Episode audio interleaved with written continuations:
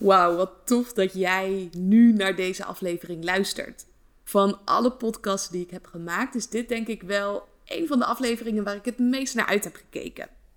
En ik ga een hele reeks hierover maken, omdat ik niet uitgepraat kan raken over het onderwerp. Maar ik heb het bewust nog even uitgesteld, omdat ik graag mijn message wil delen en not my mess.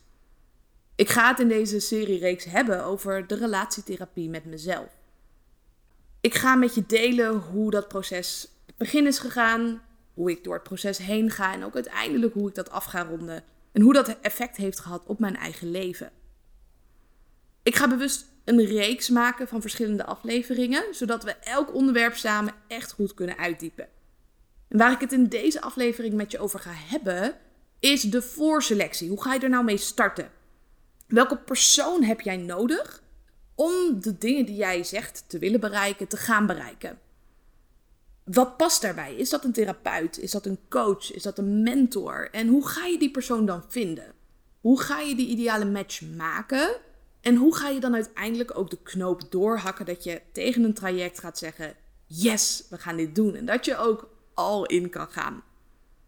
Dus mocht jij een hulpvraag hebben, mocht je twijfelen over wie jou daarbij kan helpen, hoe je er dan achter komt, uh, welke persoon dat is en hoe je die persoon dan ook gaat vinden, dan weet ik zeker dat jij heel veel waarde uit deze podcast gaat halen. Of dit nou gaat om het werken aan je relatie, het werken aan je mindset, het werken aan je lijf, het werken aan je bedrijf of een ander carrièrepad. Luister naar deze podcast en dan ga je al die inzichten eruit halen. Er zijn twee posities van waaruit je kan komen om om hulp te vragen. De eerste positie is vanuit een probleem. Je loopt echt ergens tegenaan. Je wordt belemmerd hierdoor in je dagelijkse leven. En je denkt, ik moet aan de slag. Dus bijvoorbeeld, je hebt zo weinig energie dat je aan het einde van de dag helemaal uitgeblust bent. En je wil hier heel erg graag vanaf en gaat op zoek naar een persoon die hierbij kan helpen om meer energie te krijgen. Dus dat is vanuit de positie van het hebben van een probleem, daar tegenaan lopen en voor een heel groot deel belemmerd worden daarin, in je doen en laten. De andere positie van waaruit je kan komen, is dat je nog niet zozeer echt ergens tegenaan loopt, dat het op zich wel prima gaat, maar dat je het vertrouwen of het geloof hebt dat het beter kan, dat het anders kan. Vanuit beide posities ben ik wel gekomen toen ik met mezelf aan de slag ging. Ik heb in het verleden een eetstoornis gehad en toen ben ik ook in therapie gegaan. Ik kan je vertellen, toen had ik echt wel een probleem. Ook al erkende ik dat zelf op dat moment nog niet. Uh, toen was de noodzaak er wel om aan de slag te gaan. Het was letterlijk een kwestie van leven of dood. Toen ik met mijn mindset aan de slag ging, was het meer vanuit het vertrouwen dat het anders kon. Ik zou het wel overleven, ik kwam de dag wel door. Maar het was niet de toppen van mijn kunnen. En ik had het vertrouwen dat ik het anders zou kunnen doen. Maar dat maakte het extra spannend om die stap te zetten. Op het moment dat je komt vanuit een probleem of vanuit pijn, als de pijn groot genoeg is, dan komen we vaak wel in beweging. Op het moment dat we het geloof hebben dat het anders kan, het vertrouwen en willen presteren op de toppen van ons kunnen, maar het gaat op zich wel goed, kan het veel spannender zijn om te investeren in jezelf, in tijd, geld en energie. Dan komt vaak het reptiele brein om de hoek kijken die zegt: Ja, maar zou je dat nou wel doen? Is dit nou wel nodig? Uh, het is hier ook best wel comfortabel. Ik kan het wel allemaal zelf. Dus op het moment dat die stemmetjes om de hoek komen kijken, dan weet je, ik zit op zich wel op een voldoende. Ik wil er meer uithalen en mijn reptiele brein is me tegen aan het houden. En dat merkte ik ook.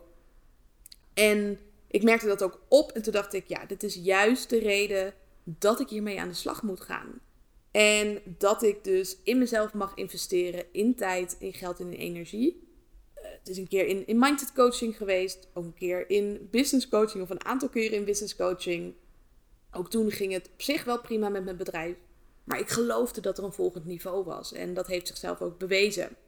En ook in de relatie, coaching, therapie, geloofde ik dat er een volgend niveau was. Een diepere verbinding die ik zou kunnen aangaan met de mensen in mijn omgeving. En dat wilde ik heel graag gaan opzoeken. Op het moment dat jij aan de slag wil en je gaat op zoek naar iemand die je daarbij kan helpen, zijn er verschillende labeltjes die daaraan worden geplakt bijvoorbeeld therapie of coaching of counseling of misschien een mentorrol. En ik kan me heel goed voorstellen dat je soms door de bomen het bos niet meer kan zien. Er is een ongelooflijk groot aanbod aan mensen die jou heel graag willen helpen. Maar het feit dat ze je willen helpen of het feit dat ze je ook verder kunnen helpen, dat zijn nog twee hele verschillende dingen. Daarvoor zul je wellicht eerst helderheid moeten krijgen over welke vorm van hulp jij nodig hebt. Sommige dingen kunnen ook wel door elkaar lopen. Dus binnen mijn eigen bedrijf bied ik zowel een stukje coaching aan, maar ben ik ook een mentor. Ik ben zelf ook psycholoog, dus het heeft ook te maken met een stukje therapie. Dus het kan door elkaar lopen, zeker ook als dat aansluit op hetgene wat iemand nodig heeft. Maar ga dat dus eerst voor jezelf na wat jij denkt dat je nodig hebt. En ik zal ze ook even allemaal voor je uitdiepen, zodat je daar een beter beeld van krijgt. Laten we beginnen met het inzoomen op de rol als coach. Wat een coach doet, als we het zouden vergelijken met het oplopen van een blessure, dan kijkt een coach naar hoe jij de blessure kan herstellen. Je focust dus met name op de toekomst en op het nu. Dus hoe kun jij het nu veranderen zodat jij een andere toekomst voor jezelf gaat creëren? Gaat echt in actie komen en ook samen sparren over je in actie gaat komen. Maar ook bepaalde vragen ga je helder krijgen voor jezelf. Dus wie ben je, wat kun je en wat wil je? Vaak focus je in coaching op je gehele leven, dus op alle aspecten van je leven. Je lijf, je mindset, je onderneming of je werk, je relaties en noem maar op. Als we kijken naar de positie waarin een coach staat, dan staat hij naast jou of misschien een klein stapje voor jou. Het is een ander soort band vaak wat je met een coach hebt ten opzichte van een therapeut of een mentor. Wat ook belangrijk is om te benoemen bij coaching, is dat jij zelf je doelen mag bepalen. Dus jij kiest waarmee je aan de slag gaat. Stel je voor dat jij uh, af wil vallen. En jij hebt voor jezelf bedacht: ik wil 5 kilo afvallen. Maar misschien ben je wel 10 kilo te zwaar. Als jij een goede coach hebt, dan zal hij je niet gaan pushen om toch 10 kilo af te vallen. En wellicht zal hij wel de juiste vragen gaan stellen om te kijken waarom je dan 5 kilo in plaats van 10 kilo wil afvallen. Maar die zal niet degene zijn die zegt wat jij wel en niet moet doen. Dus dat is een heel belangrijk verschil. Wat ook belangrijk is om te weten, is dat coach geen beschermd beroep is in Nederland.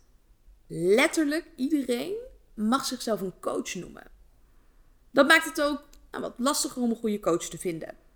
Ik zag dat ook wel in de tijd van mijn topsport. Dan waren er mensen die één keer een wedstrijd hadden gedaan. In welke vorm van sport dan ook. En ik zag het voornamelijk in bijvoorbeeld bodybuilding of bikini fitness voorbij komen. Dan hadden ze een wedstrijd gedraaid. Ze hadden een bepaald schema gevolgd. Voor voeding, voor training. En dan waren ze daarna coach. En gingen ze mensen begeleiden. Wat je dan eigenlijk doet, is dat jij jouw eigen traject gaat copy-pasten op het traject van iedereen. En hoewel er best wel wat verschillen, uh, overeenkomsten zijn tussen mensen, zijn er ook heel erg veel verschillen. En dat vergeet je dan vaak. Dus dat maakt deze podcast denk ik ook extra waardevol om dan te kijken hoe vind je dan een goede coach of een goede therapeut of goede consultant of een goede mentor in het oneindige aanbod wat er is. Naast een coach kan je eventueel ook op zoek gaan naar een therapeut. Als we weer de vergelijking maken met de blessure. Bij een coach ga je dus kijken hoe je de blessure kan herstellen. Maar bij een therapeut ga je kijken hoe het is ontstaan. En op die manier ga je de blessure in de toekomst voorkomen. En kan je ook de blessure gaan herstellen. Daarom is het ook heel werkbaar om een combinatie te doen van coaching en therapie. We denken soms dat het dan te veel gaat worden. We zijn al in therapie, dan gaan we niet ook nog eens coaching erbij doen. Dan ben ik wel heel veel aan mezelf aan het werk. Maar mijn ervaring hierbij is dat 1 plus 1 10 kan zijn. Dus op het moment dat jij aan de slag gaat met hoe jouw struggles zijn ontstaan. En je gaat tegelijkertijd ook aan de slag met hoe je het kan herstellen. Dan gaat je ontwikkeling echt in een sneltreinvaart. Dus bij een therapeut kijk je vooral naar het verleden. Waar zijn bepaalde problemen door ontstaan? Door ervaringen die je hebt gehad, en dat wil nog niet zeggen dat het altijd hele heftige dingen geweest moeten zijn. Ik weet nog wel in de tijd dat ik een eetstoornis had, dat ik dacht: ja, ik heb geen idee hoe ik een eetstoornis heb gekregen. Want er waren allemaal meiden bij mijn therapie die in mijn optiek echte problemen hadden. ouders die dealden met verslavingen, gescheiden ouders, kinderen die gepest waren. Bij mij waren er geen dingen die zoveel impact hadden gemaakt. In ieder geval niet waar ik me bewust van was. En nu gaandeweg, nu ik ermee bezig ben, kom ik erachter dat er wel degelijk dingen gebeurd zijn, maar die wij in de maatschappij wel afschuiven als, ah joh, dat maakt toch niet zo heel erg veel uit. Het doel van therapie is om inzichten dus op te doen. Om dan te gaan kijken waar dingen vandaan zijn gekomen en om daar meer begrip van te krijgen. En ze hebben het dan over psychische problemen. Ik vind het zelf een hele zware lading. En ze hebben het dan echt over uh, verslavingen, over eetstoornissen. Maar ik denk ook dat je prima in therapie kan gaan met andere problemen. Dus weinig zelfvertrouwen, angst om niet goed genoeg te zijn, je druk maken om de mening van anderen. Wat een diepere oorzaak heeft dan alleen maar de gedachten simpelweg hebben. Daarnaast een therapeut heb je ook een consultant. Dat noem je in het Nederlands ook wel counseling. En dat betekent letterlijk raad geven. Dus iemand die een consultant is, die beantwoordt jouw vraag en die geeft je advies over wat je zou moeten doen. Als we kijken naar de basis daarvan, dan gaan ze uit van een gebrek aan kennis. Dus jij mist bepaalde kennis. Je gaat naar een consultant, die geeft je die kennis en die geeft je handvatten, die geeft je een stappenplan. Dat ga je uitvoeren en daarmee ga je aan de slag. Dus dat is wat laagdrempeliger dan coaching of therapie, maar gaat ook wel uit van een ander probleem. Dus op het moment dat jij kennis mist, dan kan het heel waardevol zijn om een consultant in te schakelen. Maar op het moment dat jij het wel weet, maar het nog niet strikt en consequent uitvoert, dan kan het waarschijnlijk een vorm van uitstelgedrag zijn om met een consultant aan de slag te gaan. En tot slot kan je ook kiezen voor een mentor. En een mentor is iemand die de wijsheden heeft, omdat hij het zelf heeft doorleefd. Een mentor is niet altijd iemand die je dus hoeft te betalen. Jouw opa of oma kan ook als een mentor voor jou dienen. En we denken vaak bij mentor aan bijles bijvoorbeeld. Als het niet goed gaat, dat je een mentor hebt om met al je problemen naartoe te gaan en dan kan je daarmee spreken. Maar ook op het moment dat het op zich wel goed gaat en je wil next level gaan, kan je leren van iemand die het pad al heeft bewandeld. En die hoeft niet eens jouw advies te geven, maar simpelweg door daarover te delen hoe die dat heeft gedaan, kan jij enerzijds geïnspireerd raken en anderzijds ook hetzelfde gaan doen. Dus dat zijn de verschillen, maar ook de overeenkomsten tussen een coach, een therapeut, een consultant en een mentor. En die dingen kunnen ook door elkaar lopen. Dus een mentor kan jou ook advies geven en in de rol stappen van een consultant. Of een therapeut zou jou ook kunnen vragen hoe je hier concreet mee aan de slag gaat en stapt dan eigenlijk in de rol van de coach. Dus ze kunnen samengaan, maar weet ook goed wat het onderscheid is, zodat jij gerichter op zoek kan gaan als dat voor jou relevant is. Hoe vind je dan iemand die jou uiteindelijk kan helpen als jij hebt uitgekozen wat de rol van die persoon ongeveer gaat worden? Dus laten we ervan uitgaan dat je ongeveer weet waar je nu staat, ongeveer weet waar je naartoe wil en ongeveer weet wie je erbij zou kunnen helpen. Wellicht is er nu een stemmetje in jou die zegt: Isabelle, dit is nog wat vaag. Waarom gebruik je het woord ongeveer? Ik doe dat bewust. Want je hoeft niet exact te weten waar je op dit moment staat. Dan ontneem je jezelf ook een stukje van de inzichten, denk ik. Want gaandeweg in het traject gaat degene die jou helpt ook je blinde vlekken laten zien. De dingen waar jij nog niet bewust van bent, waarbij je denkt dat je op de goede weg zit, maar waarschijnlijk is dat niet zo. Herken je misschien wel aan de hand van de aha-momentjes. Dus bepaal ongeveer je A-punt waar je nu staat, ongeveer je B-punt waar je naartoe wil en ongeveer wie jou daarbij verder gaat helpen. En dan kunnen we ook gerichter op zoek gaan. Net zoals bij scherpschutters wil je het doel vaag houden, maar de middelen bijzonder scherp. En een middel is dus de juiste persoon die jou daarbij kan helpen. En ook het plan om die juiste persoon te gaan zoeken. Je kan diegene op je pad laten komen, maar op het moment dat jij zelf voorover gaat leunen, zal die persoon ook sneller op jouw pad komen. Er zijn twee manieren om op zoek te gaan. Je zou meteen in de actiemodus kunnen komen en je gaat googlen en je gaat vragen en je gaat dingen doen. Maar grote kans dat jij nog niet de juiste persoon gaat vinden. En weet je nog dat op het moment dat je vanuit het probleem komt vanuit schaarste, dan ga je genoegen nemen waarschijnlijk met minder. Dan wil je nu iemand hebben. Terwijl het ook goed kan zijn om er iets meer de tijd voor te nemen. En even uit te zoomen, eerst te kijken naar wat je nodig hebt om op die manier een goede match te gaan maken. En ik ga het even introduceren aan de hand van een ander voorbeeld. Laten we zeggen dat jij op zoek bent naar een woning. Dan zou je kunnen googlen huis kopen of woning huren.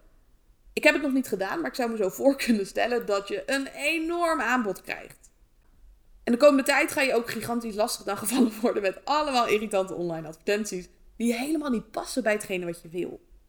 De andere manier is om eerst te denken of te gaan designen wat jij wil. Als jij een woning wil, hoeveel kamers moet de woning hebben? Wat moet het oppervlak ongeveer zijn? Waar moet de woning staan? Wat mag het ongeveer kosten? Wil je een tuin? Wil je een balkon?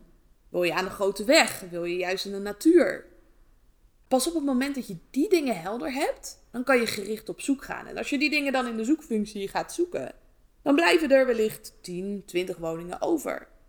Dan kan je dus de volgende stappen zetten. Dus in het geval van een hulpverlener zoeken, wil je eerst kijken bij jezelf. En laten we dan beginnen bij je kernwaardes. Dus bepaal voor jezelf wat jouw kernwaarden zijn. En zoek een match met iemand die ook die kernwaardes heeft. Of dat het in ieder geval terugkomt in de manier van hulp geven. En dit is in mijn eigen coaching niet anders. Ik werk alleen maar met mensen waarmee ik een match heb en die 100% committed zijn. En dit heb ik ook gebruikt in mijn zoektocht naar het vinden van een geschikte hulpverlener of therapeut. Ik heb op verschillende levensgebieden verschillende kernwaarden en een aantal zijn ook wel gelijk. Dus een van mijn belangrijkste kernwaarden is groei. Ik wil stappen zetten. Ik wil groeien op het gebied van mijn lichaam, groeien op het gebied van mijn bedrijf, groeien op het, groeien op het gebied van mijn relaties. En ook natuurlijk op het gebied van mijn mindset. En dat was voor mij ook de hele reden om aan de slag te gaan met die relatietherapie. Maar op het gebied van therapie had ik ook een aantal kernwaarden wat ik zoek in een coach. Soms is het lastig om te weten wat je wel wil. En in Nederland wordt al op jonge leeftijd gevraagd: wat wil je wel worden? Ik was een van de weinigen die dat wist, maar er waren een heleboel mensen in mijn omgeving die dat niet wisten. En die voelden heel erg de druk om het wel te willen weten. En dat merk ik ook met andere dingen. Hoe kom je er nou achter wat je wil? Daar kom je achter door ook te weten wat je niet wil.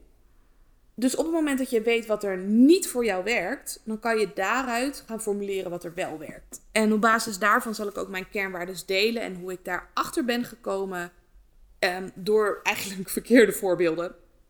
Dus mijn kernwaarden voor het vinden van een goede therapeut zijn eerlijkheid, vertrouwen, integriteit, communicatie en ruimte. Ik zal beginnen met eerlijkheid en ook het verkeerde voorbeeld noemen. Dus ik heb een therapeut gehad die met mij meepraatte. En als ik aangaf dat ik in de put zat, dat ik ergens tegenaan liep, dat het allemaal niet zo lekker ging, dan was zij voor mijn gevoel niet eerlijk met mij. Ze was aardig. Ze praatte mee. Ze zei: Oh, inderdaad, ja, oh, wat vervelend dat je dat probleem hebt. Ik kan me helemaal voorstellen dat je dan niet zo lekker in je vel zit. En ik merkte ook bij mezelf dat als ik zo'n gesprek had gehad, dat ik eigenlijk nog dieper in de put zat dan daarvoor. Wat ik dus zoek in iemand die mij helpt, is iemand die eerlijk is. Die mij af en toe een spiegel durft voor te houden. En mij kan confronteren met mijn eigen bullshit. En nou ja, dat heb ik dus niet altijd zo ervaren. En daarom ben ik er ook achter gekomen dat dat voor mij zo belangrijk is. Een andere kernwaarde die ongelooflijk belangrijk voor mij is, is vertrouwen. Het vertrouwen wat ik heb in de therapeut, of de coach, of de mentor. En het vertrouwen natuurlijk ook wat zij weer in mij hebben. Dat ik de groei kan doormaken die er nodig is. Op het moment dat dat vertrouwen ontbreekt, kan je het eigenlijk beter niet doen. Want dan ga jij je niet openstellen en linksom of rechtsom ga je dan er niet uithalen wat erin zit. Ik ben hier achter gekomen door dat er bepaalde therapieën niet hebben gewerkt voor mij, omdat dat vertrouwen beschaad was. Ik heb meerdere voorbeelden en ik ga er twee noemen. Dus één voorbeeld, daarbij had ik dezelfde therapeut als mijn moeder. En vanuit de allerbeste bedoelingen zijn er toen verkeerde dingen gebeurd. Want mijn moeder liep toen al bij een therapeut die haar hielp omdat zij borstkanker had gehad en dat wilde zij ook verwerken om weer terug aan het werk te gaan. En op dat moment had ik een eetstoornis en ik nou, zakte af. En toen had mijn moeder gezegd: Joh, ik heb een goede therapeut, ga een keer ook met haar praten. Dus ik heb toen met haar een aantal gesprekken gehad. En ik kreeg daarna ook bij haar nazorg. Toen kwam ik erachter dat er dingen werden doorgespeeld. Dus bepaalde dingen had mijn moeder verteld in haar gesprekken met de therapeut. En die gebruikte de therapeut vervolgens tussen aanhalingstekens tegen mij. Dus mijn moeder had bijvoorbeeld aangegeven in de therapie dat ik een pakje kipfilet had opgegeten uit de koelkast. Of dat ik dat op regelmatige basis doe.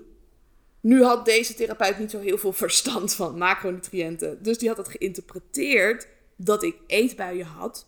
En die had dat weer tegen mij gezegd. Die zei, oh ja, hè, logisch dat je ook aankomt in gewicht, want je hebt eetbuien. Dus ik vroeg, eh, kom je daar nou weer bij? Ja, ja, je eet pakjes kipfilet op uit de koelkast. Los van het hele vertrouwensverhaal is dat denk ik ook wel het ergste zo'n beetje wat je kan zeggen tegen iemand die een eetstoornis heeft gehad.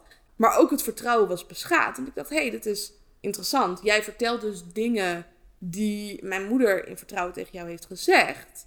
En wellicht vertel jij ook dus dingen aan mijn moeder die ik aan jou in vertrouwen heb gezegd. Dus het voelde voor mij niet meer goed om daarmee door te gaan. Dus ik ben daarmee gestopt. Nog een voorbeeld, ook uit de tijd van mijn eetstoornis. Toen was ik al weg bij de kliniek waar ik zat. Ik was toen een jaar weg, maar ik merkte nog steeds dat ik tegen bepaalde dingen aanliep en ik wilde ook weer aan de slag. Niet zo intensief, maar misschien met een gesprek per week of per twee weken. Dus ik zat in het intake-traject en ik was wel wat kilo's aangekomen. En zij beschuldigde mij toen ook weer van eetbuien. Ze zeiden ook toen, nou, bijna letterlijk, Isabelle, je bent zo zwaar, dat kan bijna niet. Niet wetende dat ik een spierziekte had. Ik heb later ook mijn vetpercentage volgens mij nog laten meten. En die zeiden juist weer dat ik aan moest komen. Dus het was één hele grote verwarring. Maar dat was voor mij ook het punt dat ik dacht: hé, hey, dat vertrouwen is er niet. Jij vergeet even te vragen aan mij of dat wel of niet klopt.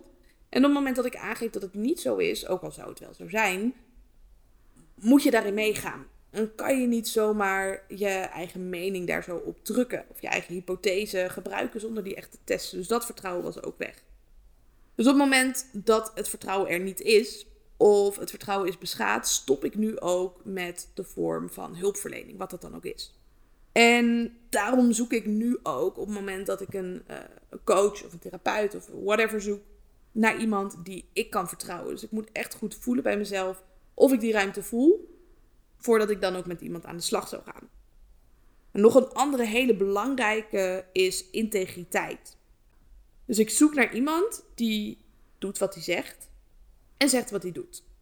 In een wereld met 65.000 coaches, therapeuten, uh, het aanbod is gigantisch. En hoe ga je dan de juiste persoon vinden voor mij is het heel belangrijk daarom dat iemand integer is.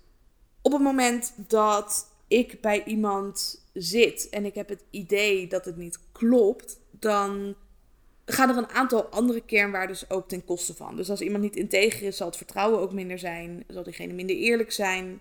Maar hoe test je dat dan? En degene waar ik nu mee aan de slag ben, ik vind dat oprecht fantastisch. ik heb het wel vaker gehad over de dates die ik heb met mezelf. Of de dopamine detox die ik wel eens doe. De tweede keer dat ze bij me was, toen vertelde ze van... joh, je mag me altijd een berichtje sturen, maar deze dinsdag zal ik waarschijnlijk niet reageren. Want ik heb mijn telefoon op vliegtuigstand, ik ga watervasten, ik ga een hele dag in stilte zitten en ik ga mediteren. En ze vertelde mij onder andere ook in het intakegesprek dat ze elke ochtend ook om vijf uur opstaat en dan twee uur gaat mediteren. Als je mij al wat langer volgt, dan weet je ook dat ik groot fan ben van ochtendroutines, vroeg opstaan, persoonlijke ontwikkeling dus dat was voor mij ook een teken dat ik dacht: yes, jij bent integer. Jij snapt ongeveer hoe het werkt. En ik ben ook bereid om dan mezelf naar jou open te stellen. En integriteit kan ook op andere vlakken. Dus ik zie wel vaak dat personal trainers te dik zijn. Dat artsen roken. Dat tandartsen gaatjes hebben. Dat diëtisten te dik zijn. Laat me wel vertellen dat dat absoluut niet betekent dat ze je niet goed kunnen helpen. Ze hebben echt wel informatie, maar uiteindelijk moet jij er wat mee doen. En als zij niet integer zijn en daardoor heb jij niet het vertrouwen dat de dingen die zij zeggen, dat die kloppen, want anders zouden ze er zelf al wat mee doen, dan is er een kans dat het niet werkt. Zeker als integriteit voor jou een belangrijke kernwaarde is. misschien is het helemaal niet belangrijk voor jou, dat is ook oké. Maar voor mij is dat dus wel belangrijk. Ik zou ook niet met een business coach samenwerken die zelf bijna failliet zou gaan. Dat klopt niet met hoe je het zou willen hebben. Ook is dat een manier om dus een juiste coach te vinden. Om te kijken bijvoorbeeld naar de resultaten die zij hebben geboekt of die hun klanten hebben geboekt. Een andere kernwaarde die ik heb is dat iemand communicatief moet zijn. Dus op het moment dat ik contact met iemand opneem, dat daar goed op gereageerd wordt en dat er ook naar mij geluisterd wordt. Zo heb ik nog wel eens een anderhalve week moeten wachten op een mailtje terug. En dan krijg je heel aardig allerlei excuses en allerlei redenen waarom het niet is gelukt. Maar dan beantwoord ik het mailtje toch met: Dankjewel, dit is geen match, we gaan dit niet doen. Daarbij werk ik met een kaartensysteem. In het voetbal werken ze daar ook mee en in mijn eigen leven doe ik dat ook. Dus wat dat inhoudt is dat je twee verschillende kaarten hebt. Je hebt een rode kaart en je hebt een gele kaart. Bij bepaalde dingen die mensen doen, krijgen ze een rode kaart en mogen ze per direct van het veld af. Dus misschien geef je iemand een rode kaart in relaties als diegene is vreemd gegaan. Dat je denkt, nou, dan krijg je een rode kaart van het veld af, de relatie is uit. Maar bij andere dingen heb je misschien een gele kaart. En bij twee gele kaarten gaat iemand van het veld af en is het voorbij. Dus dat zijn dingen die wellicht wat milder zijn. En hebben ze nog de kans om verbetering te laten zien. Maar doen ze binnen afzienbare tijd nog een keer, dan is het over en uit. Dit is heel hard. Dit is heel objectief. Dit is heel meetbaar. En daarom ook zo belangrijk. Dat je het meetbaar maakt van je, voor jezelf. En het niet gaat goed praten en op die manier over je eigen grenzen gaat. Want mijn reptiele brein die vond dat heel spannend om het op die manier te doen. Want die zag een gemiste kans. Die kreeg FOMO. Die dacht, ja, maar straks was dit de fantastische therapeut. En was dit het helemaal. En dat wijs je nu af. Maar mijn gevoel zei, nee, dit gaan we niet doen omdat hè, als iemand op vakantie is, dat zou zo kunnen zijn, maar soms krijg je dan een automatische mail. Maar dit was volgens mij ook een uh, bullshit excuus. Dus mijn radar ging ook af. Dus die persoon kreeg een rode kaart, want de communicatie was een dikke vette onvoldoende. Daarnaast is het voor mij belangrijk dat iemand de ruimte voor mij heeft. Dat ik de vrijheid voel om iemands tijd of iemands plek te benutten. En niet dat iemand zegt, ja, ik heb het echt super druk. En de eerstvolgende mogelijkheid dat je kan spreken is, uh, nou ja, over twee maanden heb ik wel een gaatje van een uur in mijn agenda. Ik ga daar persoonlijk heel slecht op. Ik weet wel dat als jij via de reguliere weg naar een psycholoog wil, dat je naar de huisarts gaat, een doorverwijzing krijgt en dan twaalf weken minimaal moet wachten. Ik vind het vreselijk. Ik vind dat echt hartverscheurend dat dat is hoe het werkt. Maar helaas is dat wel wat het is. En dat is voor mij ook de reden geweest om het niet via de huisarts te doen, maar zelf iemand te zoeken en dan maar extra te betalen.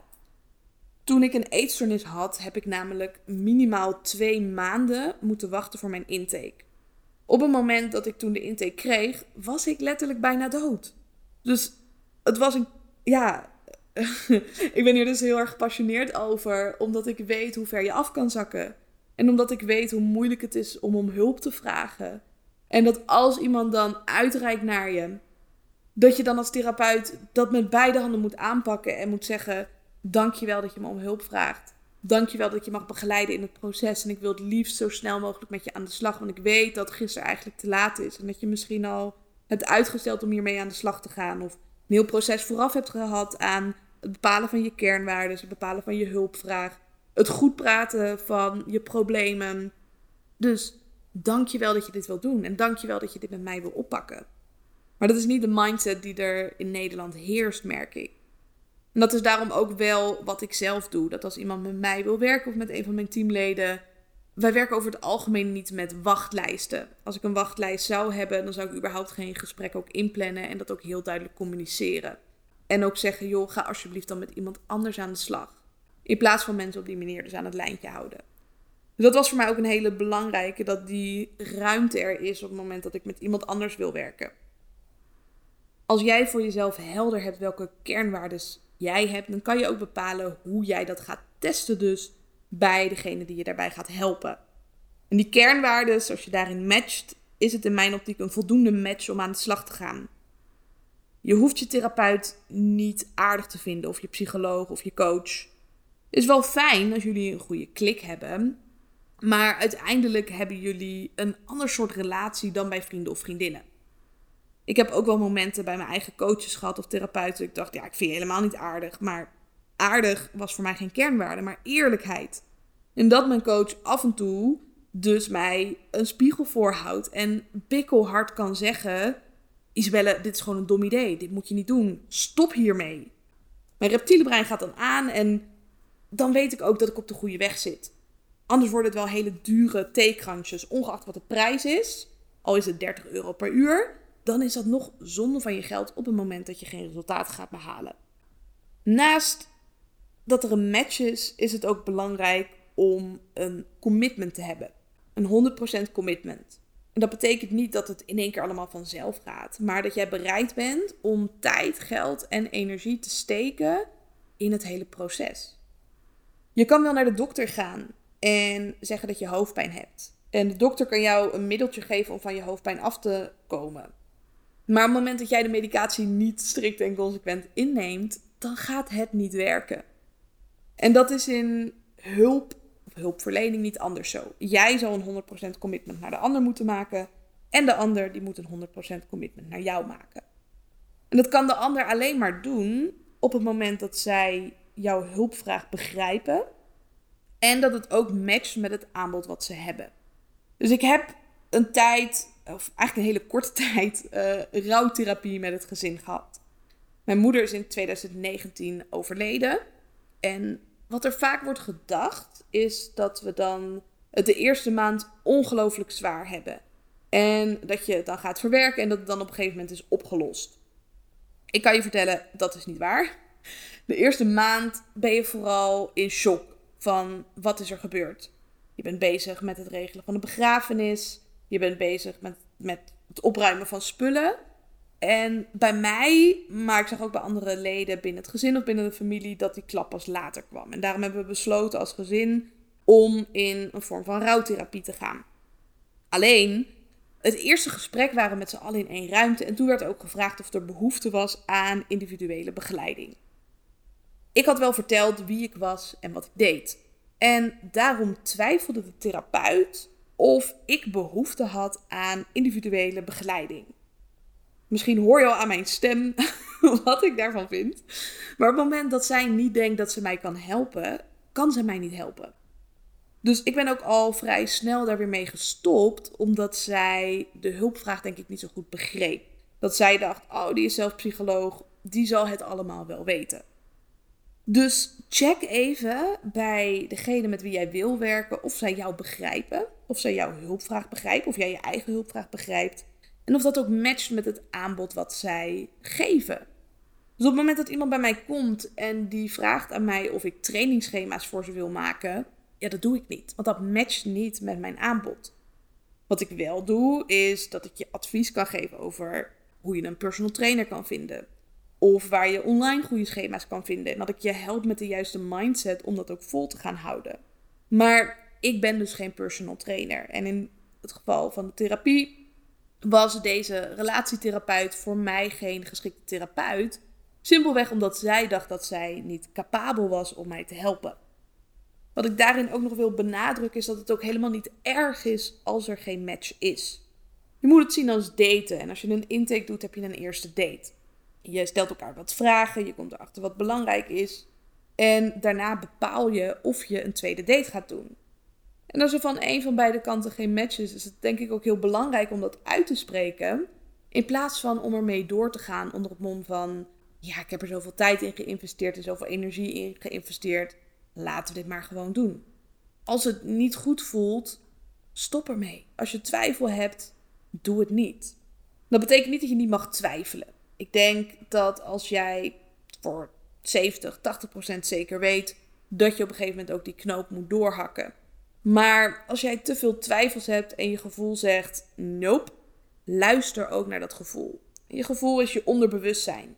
Dat is 90% van alle dingen die je hebt gedaan of hebt gedacht. We denken vaak dat we betere keuzes maken door er langer over na te denken, maar het tegenovergestelde blijkt soms waar te zijn.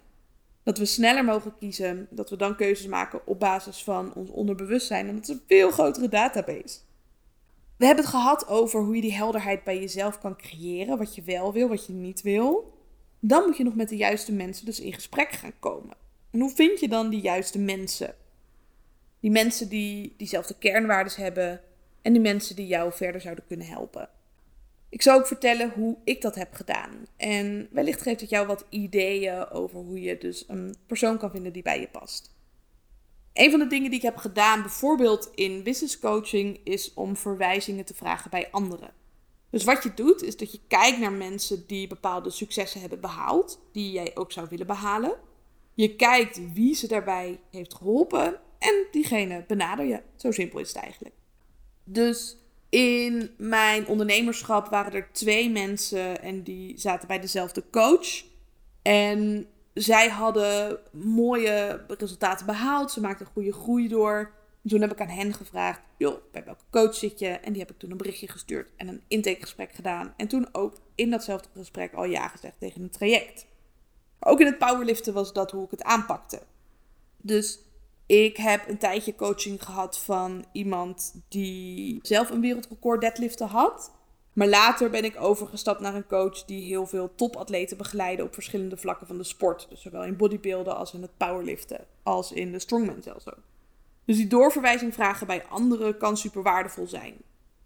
Wel wil je mm, meerdere referenties hebben, denk ik in dit geval. Ik vertelde al eerder dat ik dezelfde therapeut had als mijn moeder. Ik zou niet aanraden om het klakkeloos over te nemen van de mensen in je omgeving. Dus daarom ga ik in deze podcast ook niet delen met welke therapeut ik samenwerk, want ik denk dat jij het zelf moet gaan zoeken. Een andere mogelijkheid om iemand te vinden, en dat is hoe ik bij mijn huidige relatietherapeut ben gekomen, is via Google. Dus ik heb gewoon gegoogeld op volgens mij relatietherapie en ik wil dat ook wel offline kunnen doen, dus ook met een bepaalde straal. En toen ben ik gaan zoeken. het was alleen zo dat via Google gaan ze er heel vaak vanuit dat je een probleem hebt.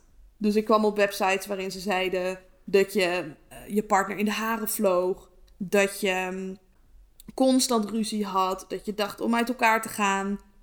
Op het moment dat ik zocht naar een relatietherapeut, had ik niet eens een relatie, want ik wilde in relatietherapie met mezelf. Met mijn vorige relatie wilde ik ook graag in relatietherapie Alleen dat was best wel een gevoelig onderwerp. Want zeg maar eens tegen je partner: hey schat, zullen we in relatietherapie gaan? Wat vaak de partner hoort is: ik ben niet goed genoeg. Je vindt de relatie niet goed genoeg. Je wil bij me weg. Want dat is heel erg het stereotype wat er heerst over de relatietherapie. Terwijl ik heel graag van een oké relatie naar next level wilde gaan. Het lijkt me dus ook fantastisch om, als je met een relatie start, om dan samen in relatietherapie te gaan. Dat je altijd een goede relatie houdt. Net zoals als je een fit lichaam hebt, dan zeg je ook niet: Nou, nu ben ik fit, nu hoef ik nooit meer naar de sportschool te gaan. Dat is onzin natuurlijk. Dus dat je niet zozeer focust op in beweging komen op het moment dat je een probleem hebt, maar juist stappen zet als het goed gaat om dat vast te houden of om daar nog meer van te maken. Dus via Google was het best wel een weerwar aan websites, eh, coaches die echt van dat probleem uitgingen. In plaats van het aanbod konden leveren wat ik zocht. Dat maakt het voor mij aan de andere kant ook wel weer makkelijk om iemand te vinden. Deels omdat ik heel scherp had wat ik wilde. En deels omdat daarin het aanbod heel erg klein was. Dus uiteindelijk ben ik bij een stuk of vijf of zes therapeuten, coaches gekomen. waarvan ik het idee had dat ze mij wel verder konden helpen. Alleen matchte het dus uiteindelijk niet op basis van de kernwaarden. Dus er was één iemand, daarbij moest ik twee maanden wachten voordat ik de intake kon krijgen. Uh, ik had in mijn berichtje specifiek gezet dat je me op bepaalde tijden kon bellen, maar dat ik liever niet zomaar gebeld word. Dus dat ze beter een WhatsAppje kon sturen. Deze persoon heeft mij een stuk of tien keer gebeld, zonder te overdrijven. Ik denk misschien nog wel meer. Waarbij ik uiteindelijk toen maar een berichtje heb gestuurd of ze me alsjeblieft niet meer wilde berichten. Want dit was geen ideale match. Een andere mogelijkheid om dus bij mensen te komen is door bijvoorbeeld boeken te lezen en de schrijver te benaderen. Of door podcasten te luisteren en dan degene die de podcast geeft of degene die wordt geïnterviewd om die te benaderen. Als je denkt dat die persoon jou verder kan helpen. Dat is voor mij ook hoe ik bij mijn podcastgasten onder andere kom. Lees ik een boek, denk ik, oh, ik vind deze schrijver heel tof. Laat ik met deze persoon spreken. Of ik luister een podcast interview van iemand anders en ik denk, oh, deze persoon is heel tof. Ik wil met diegene in contact komen. Nu weet ik ook dat een heleboel van deze mensen zelf ook eh, coaching of therapie geven of bepaalde programma's hebben. Dus dat zou ook nog een manier kunnen zijn om iemand te vinden die jou wellicht verder kan helpen. Misschien één op één, misschien door middel van een online programma. En daarin is ook belangrijk dat je weet hoe jij dat voor je ziet. Dus ik wilde wel heel graag één op één werken. Maar misschien dat je ook wel denkt van, nou, ik vind het heel spannend om één op één te gaan werken. Een betere stap voor mij, of, of laten we zeggen te spannend, een, een kleinere stap zou zijn om video's te bekijken of om een boek te lezen en op die manier wat informatie op te doen. Maar mijn voorkeur gaat altijd uit naar één op één coaching, omdat je daardoor veel sneller stappen zet. Het is veel leuker en ja, je groei gaat op een hele andere manier dan dat je alleen maar dus informatie opdoet of het stukje interactie hebt van, of het stukje interactie mist dus. Op het moment dat je dus hebt bepaald voor jezelf welke vorm van hulp je nodig hebt, wat je kernwaarden zijn, of de ander je hulpvraag gaat begrijpen, als je in actie bent gekomen en misschien ook een aantal gesprekken hebt gehad, of misschien ook één gesprek, dan is het belangrijk dat je een keuze gaat maken. En dat je dus ook daadwerkelijk in actie komt. Want eigenlijk heb je tot nu toe nog niks echt gedaan. Dit is wel een stapje, dit is onderdeel van het proces. Maar je bent nog niet aan het proces begonnen. Op het moment dat je ja zegt tegen een traject, dan pas ga je echt aan de slag. Nu ga ik je natuurlijk niet pushen om een keuze te maken, maar ik wil je wel uitdagen om je denkpatroon hierin te veranderen. Wat ik net al benoemde, we maken niet altijd betere keuzes door er lang over na te denken. Op het moment dat het goed voelt, dan wil je eigenlijk zeggen: Yes, we gaan dit gewoon doen. Ik heb ook één keer een één op één klant van mij gehad. En die had ook meerdere intakegesprekken met verschillende coaches staan. We hadden een heel goed gesprek gehad. Ze dacht dat ik haar verder kon helpen. Maar ze durfde dus nog geen ja te zeggen, omdat ze nog meer gesprekken had staan. En toen heb ik ook gedeeld wat ik nu met jou ga delen. Dat op het moment dat je denkt: yes, ik denk dat het een super goede match is en ik ben super enthousiast om aan de slag te gaan, ga aan de slag. Ga niet nog op zoek naar wat nou als het anders had gekund, wat nou als het beter had gekund. Want dan blijf je altijd maar twijfelen en meegaan in die twijfel. En op het moment dat je merkt, nee, dit is het niet, zeg dat ook gewoon. Kom niet aan met redenen dat je erover na wil denken, terwijl je eigenlijk al voelt, nee, dit is het niet. Ik heb dat ook wel eens gehad met mensen die ik dan spreek voor het eerst. En dan kijken we of er een match is. En dan noem je natuurlijk ook het traject wat daarbij past. En dan geven ze aan, ik wil daarover nadenken. Ik wil daar twee weken over nadenken of een week over nadenken. Nou, mijn bullshit radar is behoorlijk sterk, dus over het algemeen doe ik dat niet. Omdat ik weet dat we heel vaak de keuze wel hebben gemaakt. En of dat nu een ja is of een nee, dat maakt eigenlijk niet zo heel veel uit. Maar het maken van keuzes is zo belangrijk. Want je mate van succes wordt echt bepaald door de bereidheid om moeilijke keuzes te maken. Door ja te zeggen of misschien ook nee te zeggen. Dus wees daarin heel eerlijk naar jezelf en naar de ander. Want je houdt niet alleen de ander aan het lijntje, maar vooral ook jezelf. Op het moment dat dat nog een open eindje is, kan jij niet door naar het volgende. Dus als je een gesprek hebt gehad en je voelt, yes, dit is een ja, ga het doen. Durf erin te springen. Maar als je denkt, nee, dit is hem niet, durf dat ook te zeggen. En dat is ook helemaal niet erg, want daardoor kan je ook weer door naar het volgende. Dus uiteindelijk heb ik een gesprek gehad met een relatietherapeut en zij woont in Den Haag. Alleen op dat moment was ik nog in Mexico. dus ik heb met haar het eerste gesprek via WhatsApp bellen gedaan. En in dat gesprek wist ze me ook echt te raken. Ze wist te benoemen wat ik goed deed, wat er goed ging, maar ook waar ik nog tegenaan liep. En ze had ook echt het idee dat ze mij daarbij verder kon helpen. Toen hebben we ook de afspraak gemaakt om dit samen aan te gaan. En heb ik direct in het eerste gesprek gezegd: yes, dit gaan we samen doen. Het is oncomfortabel, het gaat pittig worden, maar het gaat het 100% waard zijn. Dankjewel voor het luisteren naar deze podcast. Ik vind het ongelooflijk bijzonder dat jij van begin tot het eind hebt geluisterd. En ik hoop ook dat je inzicht hebt gekregen over hoe jij eventueel aan de slag zou willen. mocht je er niet uitkomen, Stuur mij gerust een berichtje. Je kan mij het beste bereiken via de mail info.isabelleveteris.nl of via Instagram @isabelleveteris. En ik ben ook heel erg benieuwd wat jouw eigen ervaringen zijn met coaching, met therapie. Dus deel dat ook vooral met me, daar ben ik wel benieuwd naar. En voor nu wens ik je ook een bijzonder fijne dag.